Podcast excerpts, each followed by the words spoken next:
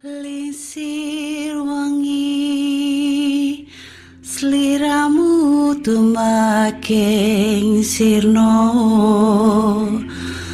Ojo tangikanmu guling Awas jok ngetoro. Aku lagi bang wingo wingo. Jin setan kang tak Dadio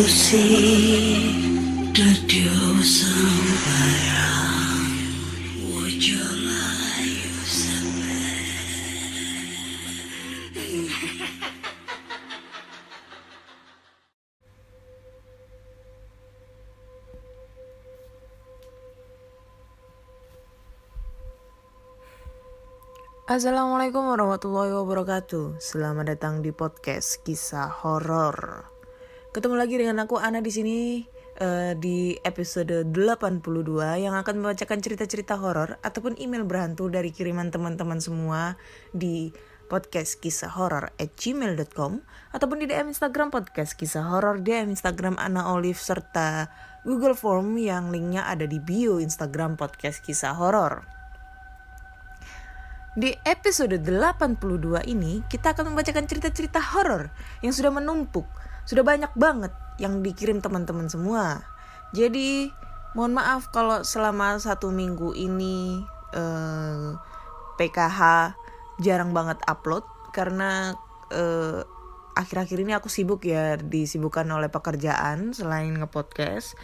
Jadi ya harap dimaklumin karena aku kan juga sebagai pengajar nih ya jadi sibuk untuk me, apa mengurusi persiapan ujian sekolah untuk adik-adik kita semua di adik-adik kelas 3 gitu ya untuk melanjutkan jenjang yang jauh lebih tinggi ataupun mungkin lulus menjadi pegawai yang baik mendapatkan pekerjaan yang baik.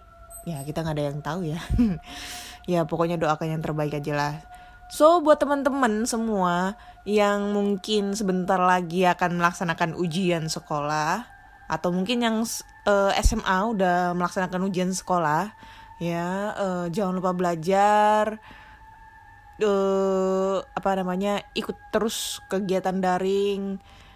Pokoknya semangat buat semuanya. Semoga lulus dan mendapatkan pekerjaan yang baik gitu ya biar bisa membantu perekonomian keluarga gitu deh. Apalagi di pandemi kayak gini tuh susah banget buat nyari kerja bro. Beneran dah. Udah ngalamin 8 bulan nganggur. Susah banget nyari kerja. Gitu. Terus nggak kerasa juga ya uh, bulan depan kita udah melaksanakan puasa Ramadan ya. Aduh udah puasa aja. Baru aja tahun kemarin. Belum ada berapa bulan ya. Belum ada setahun kita udah apa namanya eh, melaksanakan ibadah puasa. Sekarang melaksanakan ibadah puasa. Dan di hari momoknya itu adalah di bulan Rama uh, apa hari Idul Fitri ya. Itu adalah hari yang paling momok buat aku karena pasti kalau ketemu saudara-saudara atau tetangga nah dan nanyain udah nikah belum udah ada calonnya belum. Anaknya berapa? Itu itu hal yang paling menakutkan yang aku hindari saat-saat ini. Karena kemarin tahun kemarin tuh agak beruntung gitu loh karena nggak mudik. Semoga tahun ini kalau misalnya mudik ataupun ada saudara datang ke sini nggak ada yang nanya-nanya kayak gitu ya. Aduh sedih banget ya. Ah, itu dah pokoknya. Oke langsung aja kita bacakan cerita ya karena udah banyak banget yang numpuk uh, banyak banget yang kirim-kirim email, kirim-kirim di Google Form. Aduh, sampai pusing aku untuk memilah-milah mana dulu yang aku baca. Jadi, cerita pertama datang dari Instagram dulu ya. DM Instagram podcast kisah horor. Mari kita bacakan. Bentar deh, mana ya? Oke. okay. Ini datang dari siapa? Aku nggak tahu ini namanya siapa. Karena pakai bahasa bahasa Korea ini kayaknya army banget deh. Anak army nih bahasa bahasa Korea. Jadi langsung aja kita bacakan.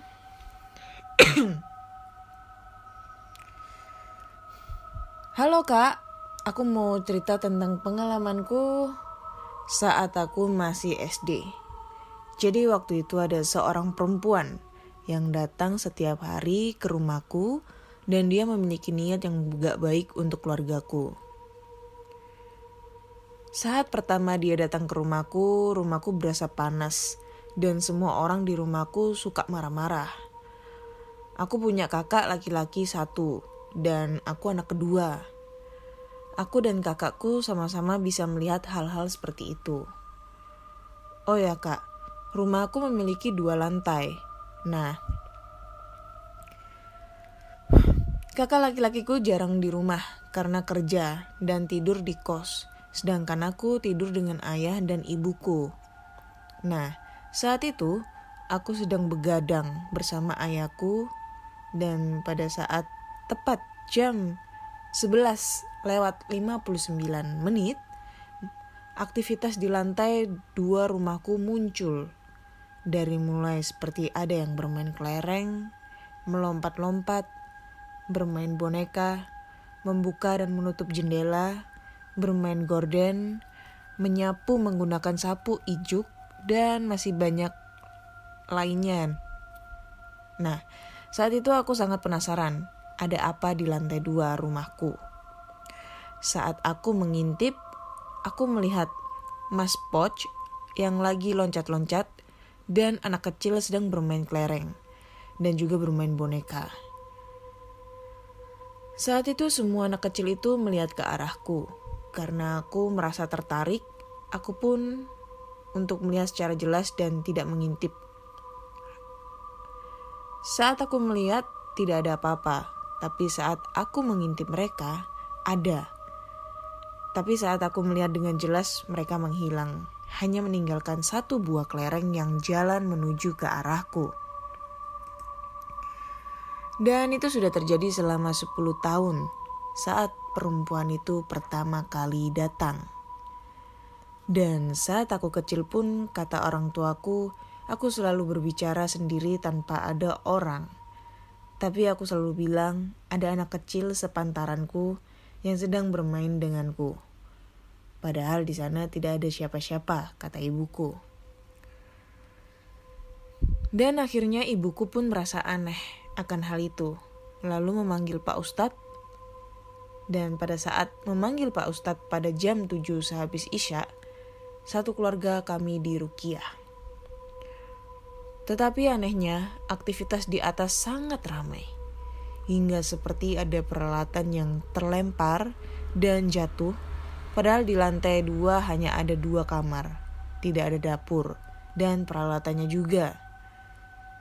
Ternyata niat si perempuan adalah ingin mengambil ayahku melalui santet. Teluh yang ditujukan ayah, ibu, dan kakak laki-lakiku. Oh ya kak, di rumah kami saat itu selalu tercium bau bau wangi, lalu busuk sangat-sangat busuk. Sekian dari aku kak, maaf semisal berbelit atau kata-katanya kurang mengenakan. Ini pertama kali kak, hehe. Terima kasih kak. Aku bakal cerita pengalaman hororku yang lain kak. Semangat kak. Semoga sukses and stay healthy kak.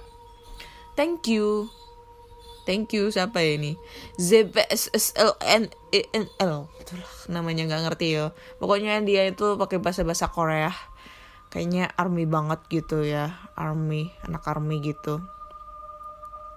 Jadi menurutku sih ya bisa jadi ya ini karena perbuatan hal musyrik ya seperti memberi mengirim teluh ataupun guna-guna yang membuat yang dengan tujuan untuk mengambil atau merebut orang yang kita sayang gitu untuk menjadi untuk berada di pelukannya. Ya ibaratnya kayak guna-guna gitulah. Dan itu pernah dialamin sama temen aku gitu. Jadi temen aku ini kan uh, kebetulan itu kan nikah di usia dini. Terus nikah di um, berapa gitu kan maksudnya dalam arti usia pernikahannya ya nggak ada lima tahun lah berapa tahun gitu tiga sampai empat tahun nggak sampai empat tahun lah tiga tahun lah ibaratnya ya. Tiga tahun lebih. Terus cerai gitu loh karena eh adanya ketidak kecocokan gitu antara dia sama suaminya. Mungkin eh, katanya sih si suaminya eh, enteng ringan tangan kayak gitu kan. Jadinya capek gitu. Kan ya posisinya juga temen aku masih muda ya masih usia 25 tahun gitu udah punya anak satu gitu. Akhirnya mereka bercerai.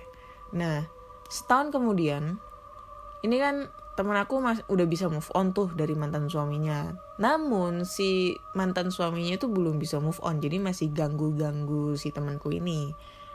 Terus si temanku ini punya cowok nih cowok baru gitu. Dan alhamdulillah cowoknya itu kayak bisa menerima keadaannya si temanku itu apa adanya dengan eh, statusnya menjadi single mom gitu kan. Terus mempunyai anak yang ya masih kecil sat, satu setengah tahun waktu itu. Nah pada saat eh, temanku ini rencananya kan mau nikah gitu, mau nikah lagi sama lelaki pilihannya. Nah si mantan suaminya itu kayak nggak terima gitu loh kalau dia itu nikah gitu loh kalau si teman aku nikah. Akhirnya dia kayak ngirim guna-guna gitu loh, teluh gitu ke mantan istrinya atau atau temanku ini dengan cara kayak bikin si cowoknya itu kayak pokoknya dibikin bertengkar terus gitu loh. Hawanya tuh dibikin bertengkar terus di rumah juga sama orang tuanya juga dibikin kayak bertengkar terus terus keinget-inget sama mantan suaminya gitu. Ketawanya itu pada saat eh, si ayahnya ayahnya teman aku itu pada saat ngebersihin taman nggak sengaja itu kayak nemu gun- gundukan tanah gitu loh pas digali-gali itu ternyata dia nemukan se- kain putih terus di dalam kain putih itu ada bunga yang udah kering terus ada foto temenku terus pokoknya ada baca-bacaan apa gitu eh, katanya tulisan Arab Raja gitu yang Arab gundul gitu kan.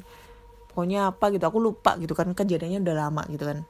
Nah itu. Terus pas ditanyain sama ustadznya dan di rukiah si ustadz ini ngomong katanya temanku ini dibikin kayak eh, apa ya diguna-guna gitu sama mantan suaminya. Karena mantan suaminya tuh nggak terima kalau semisalnya temanku itu nikah lagi. Ataupun mungkin si mantan suaminya itu masih sayang gitu sama temanku. Tapi temanku kan udah nggak mau gitu. Kayak gitu. Itu bahaya banget sebenarnya. Bahaya. Tapi ya mungkin bisa dihindari dengan cara kita sering beribadah gitu kan. Jangan lupa sholatnya jangan bolong-bolong sholatnya selalu ingat kepada Tuhan. Itu kayaknya bisa untuk menangkal itu semua.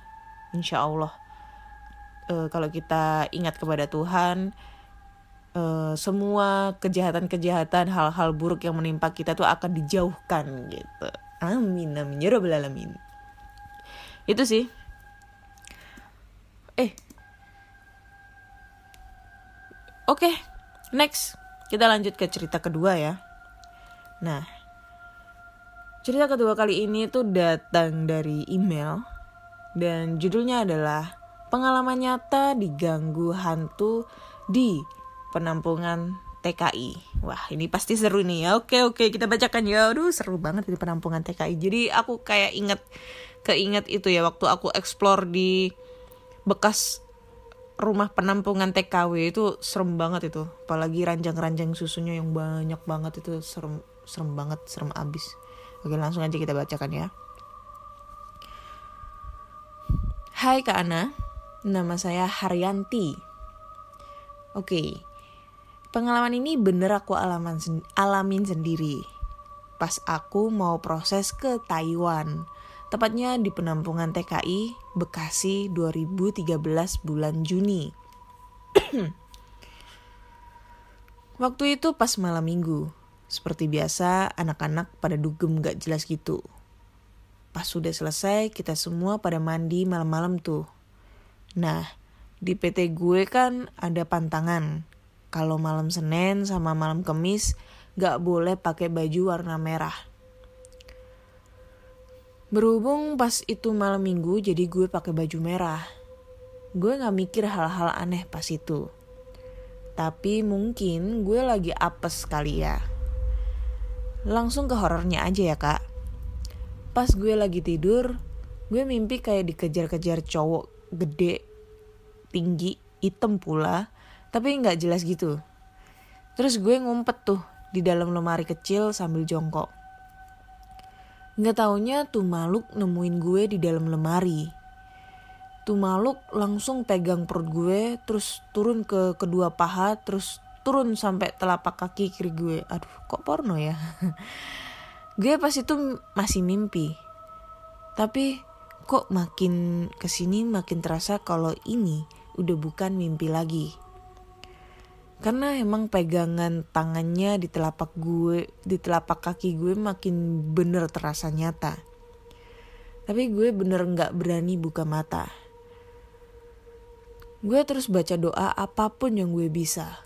Sampai pas tuh makhluk mau narik kaki gue, gue langsung teriak Astagfirullahalazim. Sambil gue teriak kaki gue, pas gitu gue masih ngerasa bener-bener parno sama sekali nggak ada temen yang bangun denger gue teriak. Gila gak tuh? Gue dipang, gue digangguin sendirian. Gue, gue, gue, gue, gue, gue, oh ya, gue. Sampai akhirnya pagi-pagi gue cerita sama teman-teman gue.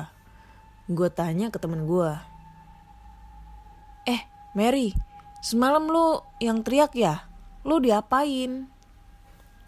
Terus gue ngom, gue jawab, kaki gue di kaki gue mau ditarik.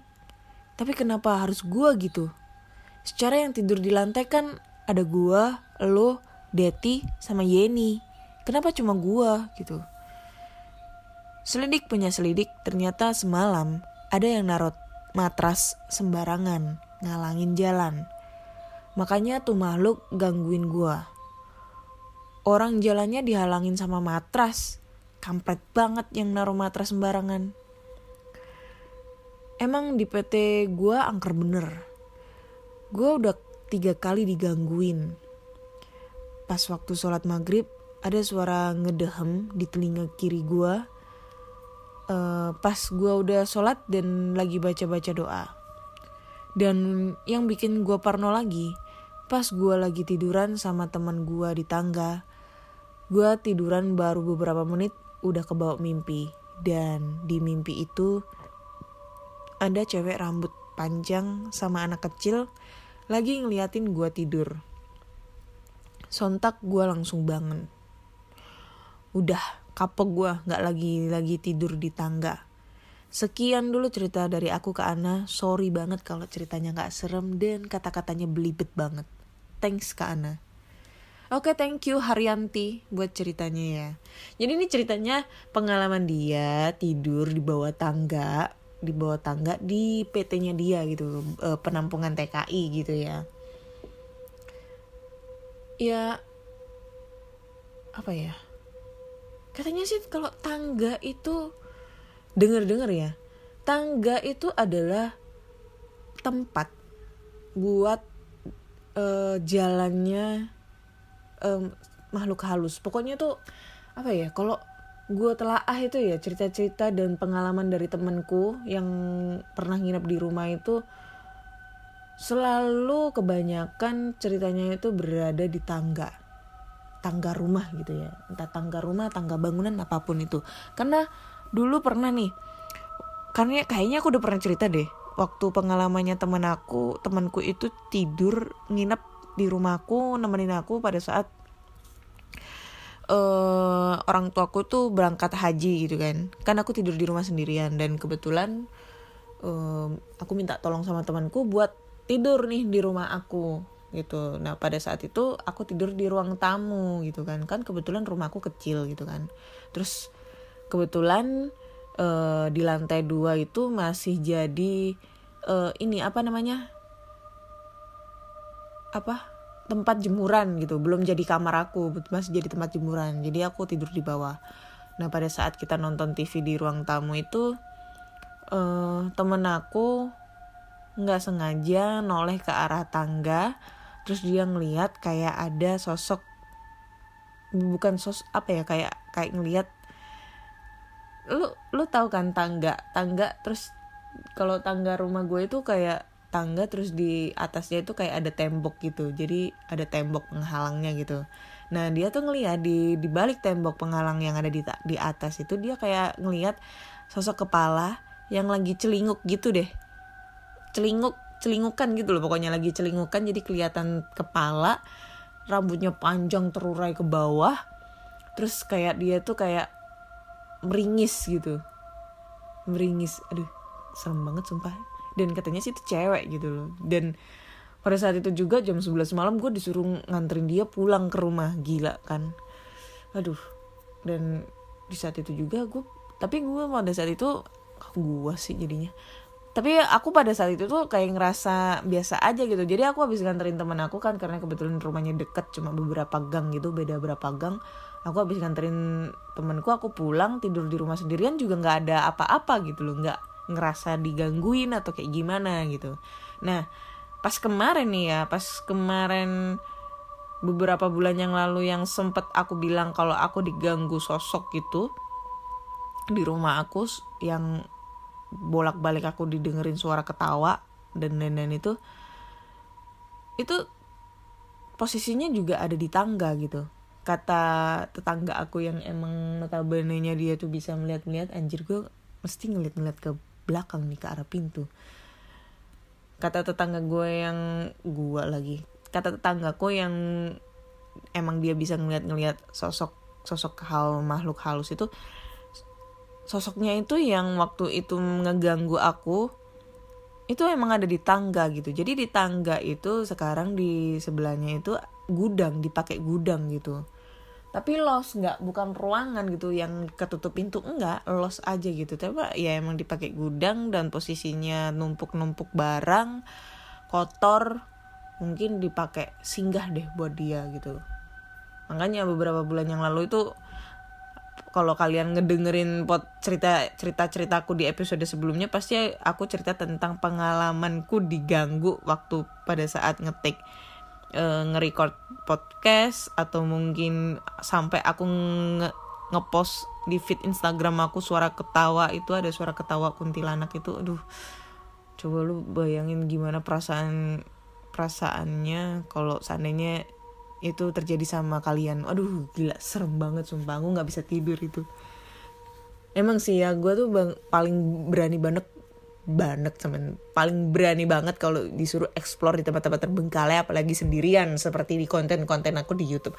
Tapi kalau semisalnya ini setan udah uh, ngikut sampai rumah ah itu serem banget sumpah. Karena gak nyaman banget kalau sampai itu makhluk itu ngikutin ke uh, tempat berlindung kita ibaratnya tempat singgah kita gitu. Itu nggak enak banget. Lebih baik aku ketemu setan di jalan daripada setan itu ngikut ke rumah kayak gitu. Beneran sumpah. Gue mending ketemu di jalan daripada ngikut ke rumah. Tapi selama gue explore itu nggak pernah yang namanya gue tuh ditampakin atau mungkin diliatin itu nggak pernah. Paling cuma suara-suara gitu doang.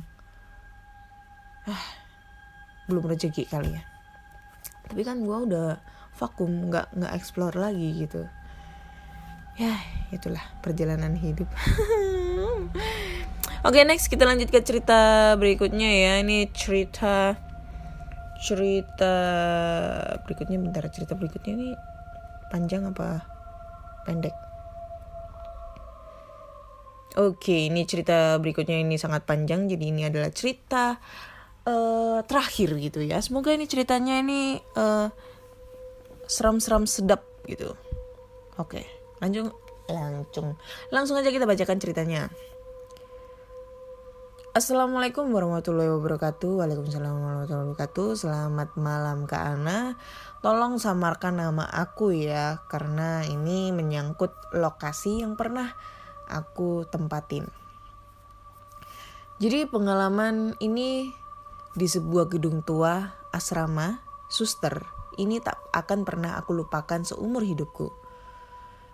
Ya, bagaimana tidak, karena ini merupakan pengalamanku pertama kalinya bertemu makhluk halus atau hantu. Aku bersekolah di, sekol di sebuah SMU swasta di Bandung Utara. Sekolahku juga terkenal sebagai suatu sekolah yang sangat angker. Ini disebabkan karena bangunan sekolahku merupakan bangunan yang tua yang sudah ada sejak zaman Belanda. Oke, klunya di Bandung Utara, sekolah terkenal, bangunan sekolah yang udah ada di zaman Belanda. Kalau kalian yang rumahnya di Bandung Utara bisa komen. Banyak sekali cerita kalau konon bangunan sekolahku ini adalah bekas rumah sakit, bekas pembantaian penjajah, dan lain-lain. Tapi tidak pernah ada yang tahu bekas bangunan apa sekolahku ini persisnya. Sore itu aku bersama keenam temanku berencana untuk mengikuti kegiatan ekstrakurikuler majalah dinding. Tapi mendadak dibatalkan karena para senior harus mengikuti pendalaman materi ujian akhir. Karena tidak jadi, maka mau tidak mau kami harus menunggu jemputan masing-masing sesuai dengan jadwal berakhirnya ekstrakurikuler kami. Sambil menunggu jemputan salah satu temanku, sambil menunggu jemputan salah satu temanku mengajak bermain or dare. True or dare kali, kayaknya true or dare ya. Mengenai sebuah permainan yang mengajak orang untuk berkata jujur atau siap ditantang melakukan sesuatu yang tidak masuk akal. Oh, true or dare. Biasanya permainan ini kami gunakan untuk masalah curhat. Mulailah kami bermain. Tibalah pada saat aku kena giliran. Aku lebih memilih dare daripada harus jujur menjawab tentang cowok yang sekarang sedang dekat denganku. Tapi ternyata juga sedang dekat dengan Tasya, sahabatku. Daripada aku menyakiti perasaannya, aku lebih, lebih siap ditantang apa pun. Tasya yang tampaknya kesal karena aku memilih Dare langsung mengajakku ke dekat lahan parkir. Di situ terdapat terdapat gedung yang sudah tua. Gedung itu sudah sangat lapuk, atapnya sudah roboh, banyak kaca-kaca jendela yang sudah pecah dan berserakan, dan dedaunan yang tampak berserakan menutupi tanah pekarangan gedung itu yang menambah keseraman. Gedung ini adalah bekas asrama suster. Suster adalah panggilan kedua guru perempuan kami. Eh, suster adalah panggilan kepada guru perempuan kami di asrama ini. Asrama suster ini sudah di, sudah tidak ditinggali lagi sejak tahun 80-an. Semenjak ada kebakaran yang menghanguskan sebagian besar tempat ini. Sudah lama pihak sekolah berencana untuk membongkar gedung ini tapi rencana ini akan terlaksana tahun depan. Sekarang Tasya menantangku untuk masuk ke gedung angker itu. Gedung ini dikelilingi oleh pagar batu yang tidak terlalu tinggi, kira-kira satu meter lebih tingginya, yang sangat memungkinkan untuk dipanjat orang. Kunci gembok yang menempel di pintu itu pun nampak sudah berkarat. Dari pintu pagarnya ada jalan setapak yang terhubung dengan dua buah pintu besar berwarna coklat, yang mana merupakan pintu masuk dari gedung itu. Setelah berhasil memanjat pagar batu tanpa kesusahan, sekarang di depan pintu besar itu aku dan temanku Tasya berdiri cemas.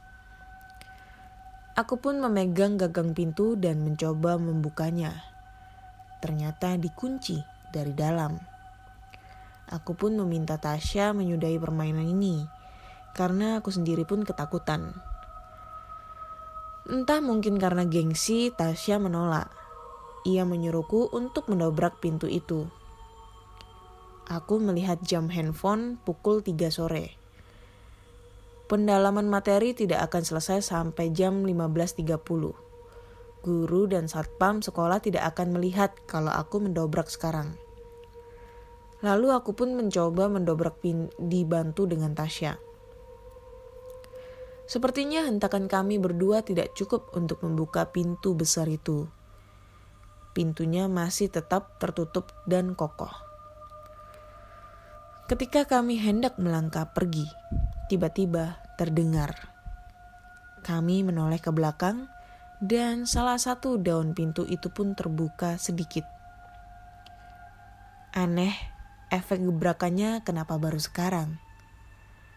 Aku pun jalan menuju pintu besar itu. Aku mendorong daun pintu itu yang sudah terbuka. Dan samar-samar aku melihat ruangan besar aula yang sangat berantakan.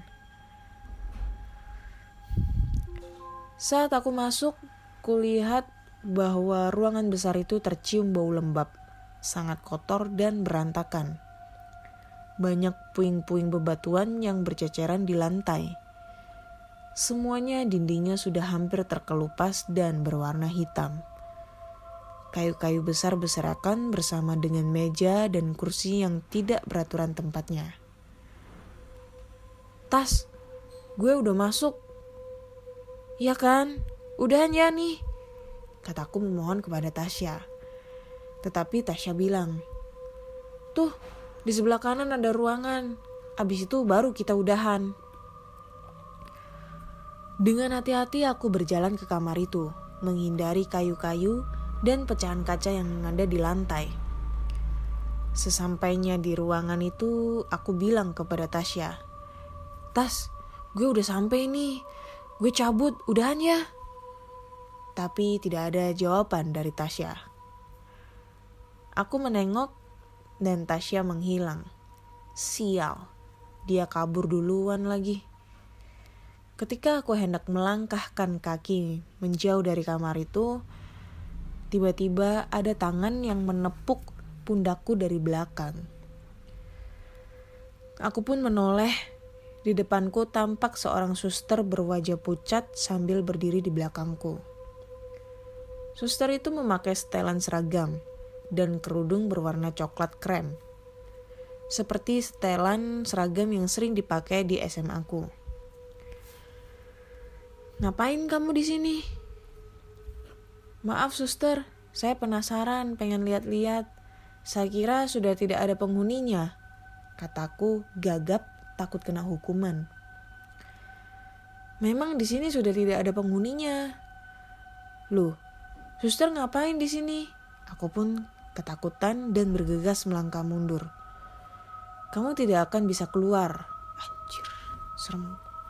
Ruangan seketika, berubah menjadi gelap. Aku berlari sekuat tenaga menuju pintu keluar. Aku tidak peduli lagi dengan sekelilingku dan aku mencoba membuka pintu. Namun terkunci. Aku melihat sekeliling ruangan itu Aku melihat banyak suster-suster yang berjalan mendekat ke arahku. Mereka terlihat seperti melayang dari lantai. Badanku lemas, aku menangis sekencang-kencangnya. Tolong, tolong! Teriakku sambil menangis. Aku mendorong dan mendobrak pintu itu. Namun tidak membuahkan hasil. Para suster itu melayang semakin dekat sampai aku bisa melihat sebagian wajah mereka. Beberapa di antara mereka ada yang mengalami luka bakar di wajahnya. Tolong, tolong! Aku masih berusaha teriak sekuat tenaga. Tiba-tiba pintu terbuka. Lalu kulihat sesosok pria yang ternyata itu satpam. Dan satpam itu melangkah masuk. Kamu ngapain, Dek? Tanyanya keheranan karena aku menangis terisak-isak. Tolong, ada hantu. Namun ketika aku melihat ke ruangan itu lagi, semua suster itu sudah menghilang. Satpam itu pun berusaha menenangkanku sambil membawaku keluar dari gedung. Aku melihat jam handphone sudah hampir jam 5 sore. Astaga, aku masuk hanya beberapa menit, ternyata sudah dua jam. Lalu aku mencari Tasya dan teman-temanku yang lain di lorong kami tadi duduk. Tapi tampaknya mereka sudah pulang. Ketika berjalan ke lapangan parkir, Sapam itu menjelaskan kalau asrama suster itu sudah dikunci bertahun-tahun dan kuncinya dibawa oleh satpam tersebut dan tidak ada kunci cadangannya. Satpam itu bercerita kalau pada saat asrama suster itu terbakar di tahun 80-an memang ada beberapa suster mati terperangkap saat kebakaran terjadi. Tidak berapa lama kemudian sopirku datang menjemput. Aku langsung pulang tanpa mencari tahu di mana Tasya berada, karena dia sudah meninggalkanku begitu saja. Saat aku berada di dalam mobil, badanku sudah lemas. Aku masih merinding mengingat kejadian tadi yang aku alami. Ketika mobilku sudah berjalan beberapa saat, sopirku mendadak bertanya padaku, Neng, suster yang duduk di sebelahnya mau diantar ke mana? Anjing. Endingnya bro, endingnya cuma gitu doang tapi kerasa banget lo seremnya itu ya. Kayak berasa nonton film anjir. Maksudnya kayak adegan film ini, sumpah. Ini ceritanya udah abis ini ngomong-ngomongnya. Tapi sumpah ini gue merinding banget ngebacanya dan ini ceritanya detail, rapi penulisannya dan klimaks banget. Endingnya kayak lu kalian kalau pernah nonton film ya yang film endingnya nge horror tapi ngegantung nah itu dah. Neng susternya yang duduk di sebelahnya mau diantar ke mana? Terus ada backsound ceng sambil ngeliat susternya yang wajahnya pucet melotot gitu. Aduh sumpah itu keren banget kalau dijadiin film sumpah. Tapi ngomong-ngomong kita aku tuh jadi penaras, penasaran ya. Tadi sorry banget kalau ada suara mobil karena tetanggaku depan rumah lagi parkir masukin mobilnya di ke garasi ya. Jadi ya kalau agak berisik-berisik mohon dimaklumi ya. Jadi aku penasaran nih ya ini gambar sekolahnya itu kayak gimana? Ini uh, sekolah kayak sekolah Katolik atau sekolah Nasrani? Sekolah Katolik ya kayaknya ya kalau ada suster-susternya. Coba kita cek ya. Sekolah perawat. Eh iya yeah. bukan. Asra sekolah Katolik mungkin ya coba ya aku cari di clue ini di Bandung Barat terbakar. Aduh, kesemutan lagi.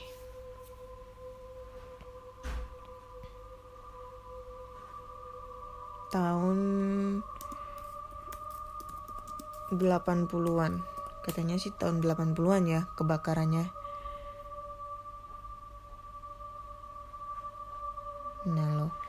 Ini yang muncul malah pabrik tekstil ya. Yang kemarin.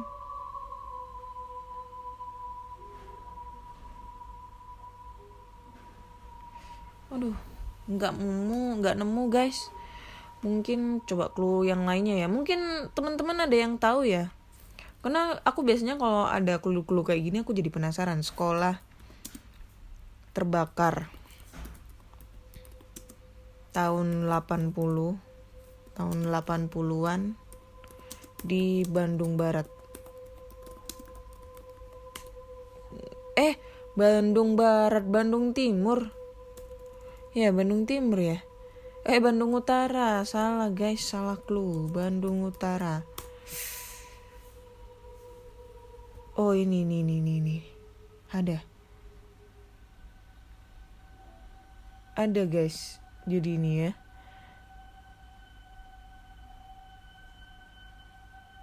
SMA ya. Kebetulan sekolah SMA. Sekolah SMA SMU anjir lah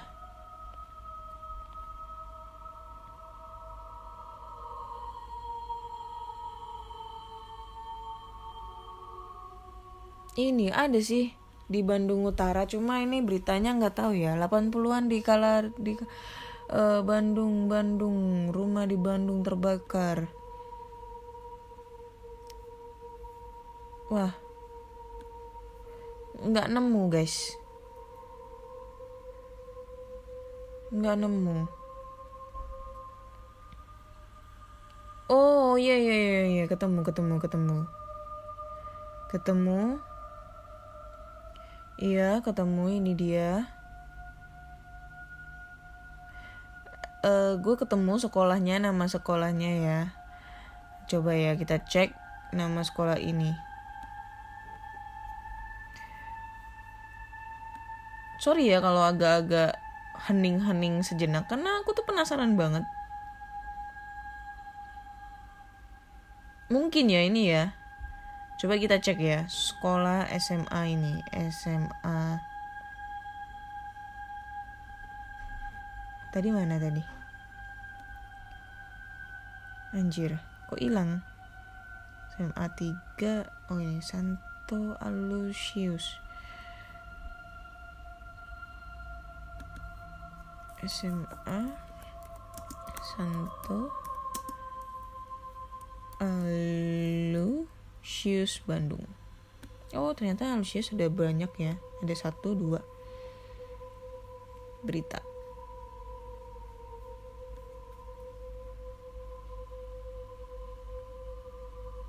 Oh ya Gue nggak tahu sih sekolah mana ya. Ini nggak ada beritanya Cuma katanya sih sekolah ini adalah sekolah angker gitu ya. Termasuk jadi mayoritas sekolah angker di Bandung. Mungkin teman-teman ya teman-teman. Oh ini ini ini ini ini.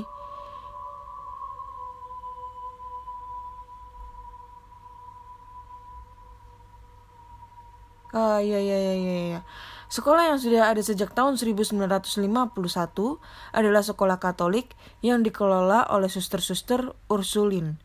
SMA-nya sendiri menyimpan cerita seram. Yang paling populer di kalangan alumni adalah lukisan di ruang guru yang rambutnya setiap tahun memanjang. Selain itu ada juga penampakan suster yang nggak punya kaki alias melayang-layang. Kalau Jill sendiri pernah dengar kisah kalau di WC ceweknya pernah ada yang gantung diri. Itu dia sekolahnya. Terus ini ada lagi. Oh itu tadi sekolah beda ya. Ini sekolah Santa Angela dan ini ada lagi sekolah Santo Aloysius. SMA Santo Aloysius Bandung sudah berdiri sejak 1930 sehingga nggak heran bangunannya merupakan bangunan peninggalan zaman Belanda Konon di ruangan bawah tanah sekolah ini merupakan camp konsentrasi Belanda. Selain itu, ruangan ini juga digunakan tentara peta untuk menyaksikan tentara Belanda. Dengar-dengar saat zaman Jepang, tempat ini juga dipakai sebagai tempat pembantaian. Enggak heran kalau sampai sekarang sering terdengar bunyi-bunyi seram seperti rintihan orang dari sini Selain itu konon ada juga hantu pastor tanpa kepala yang setiap malam mencari kepalanya. Aduh kayak ceritanya pastor jeruk perut ya yang cari kepalanya di Jakarta sana. Tapi ya terkait itu semua aku nggak tahu di mana. Cuma ya ini kan aku ngelihat dari uh, ini ya, ngelihat dari web. Iya apa enggak aku juga nggak tahu. Mungkin teman-teman yang rumahnya ada di Bandung, khususnya di Bandung Utara, dan tahu tentang sekolah ini sekolah mana ya bisa lah bagi-bagi via via DM karena gue penasaran juga sih tentang uh, penampakan lokasi sekolahnya ya. Karena biasanya itu kalau cerita-cerita yang mengandung clue kayak gini tuh aduh penasaran banget untuk dicari. Biasanya sih ketemu tapi sekarang nggak ketemu oke. Okay. clue-nya adalah sekolah Katolik yang ada di Bandung Bandung Utara. Terus bekas kebakaran. Dan bangunan ini sudah ada sejak zaman Belanda. Nah itu. Oke deh itulah klunya mungkin teman-teman bisa ketemu atau para pencari jejak horor bisa menemukan apa itu sekolah mana itu ya oke Oke, kayaknya udah cukup deh. Udah 43 menit aku menemani kalian untuk bercerita. So, kayaknya sekian dulu cerita di episode 82 ini. Sudah tiga cerita yang udah aku bacakan. Jadi buat teman-teman semua pencinta horor ini ya kalau kalian suka banget dengan cerita-cerita horor atau mungkin berbagi pelang pengalaman cerita horor, kalian bisa langsung aja kirim cerita kalian ke podcast kisah horor at gmail.com ataupun di DM Instagram podcast kisah horor dan DM Instagram Ana Olive. Atau mungkin jika kalian tuh ya sekarang kan udah ada lebih mudah nih, lebih canggih. Kalian tinggal uh, apa namanya mampir ke podcast kisah horor Instagramnya Di situ ada link di bionya, link tree. Tinggal kalian klik aja link tersebut. Nanti di dari link tersebut kita nanti terdapat tiga opsi. Yang opsi pertama adalah link menuju Google Form untuk mengirim cerita. Jangan lupa judulnya ya. Yang kedua adalah uh, link menuju ke channel YouTube aku. Walaupun sekarang udah nggak pernah nge YouTube, tapi ya apa salahnya sih kalian mau lihat-lihat dikit-dikit aja mampir. Dan yang ketiga adalah link menuju ke Spotify. Jangan lupa follow Instagram podcast kisah horor ataupun kalau kalian suka dengan cerita podcast kisah horor, kalian bisa follow podcast kisah horor di Spotify. Jangan lupa uh, untuk selalu dengerin podcast kisah horor di episode-episode terbaru berikutnya ya.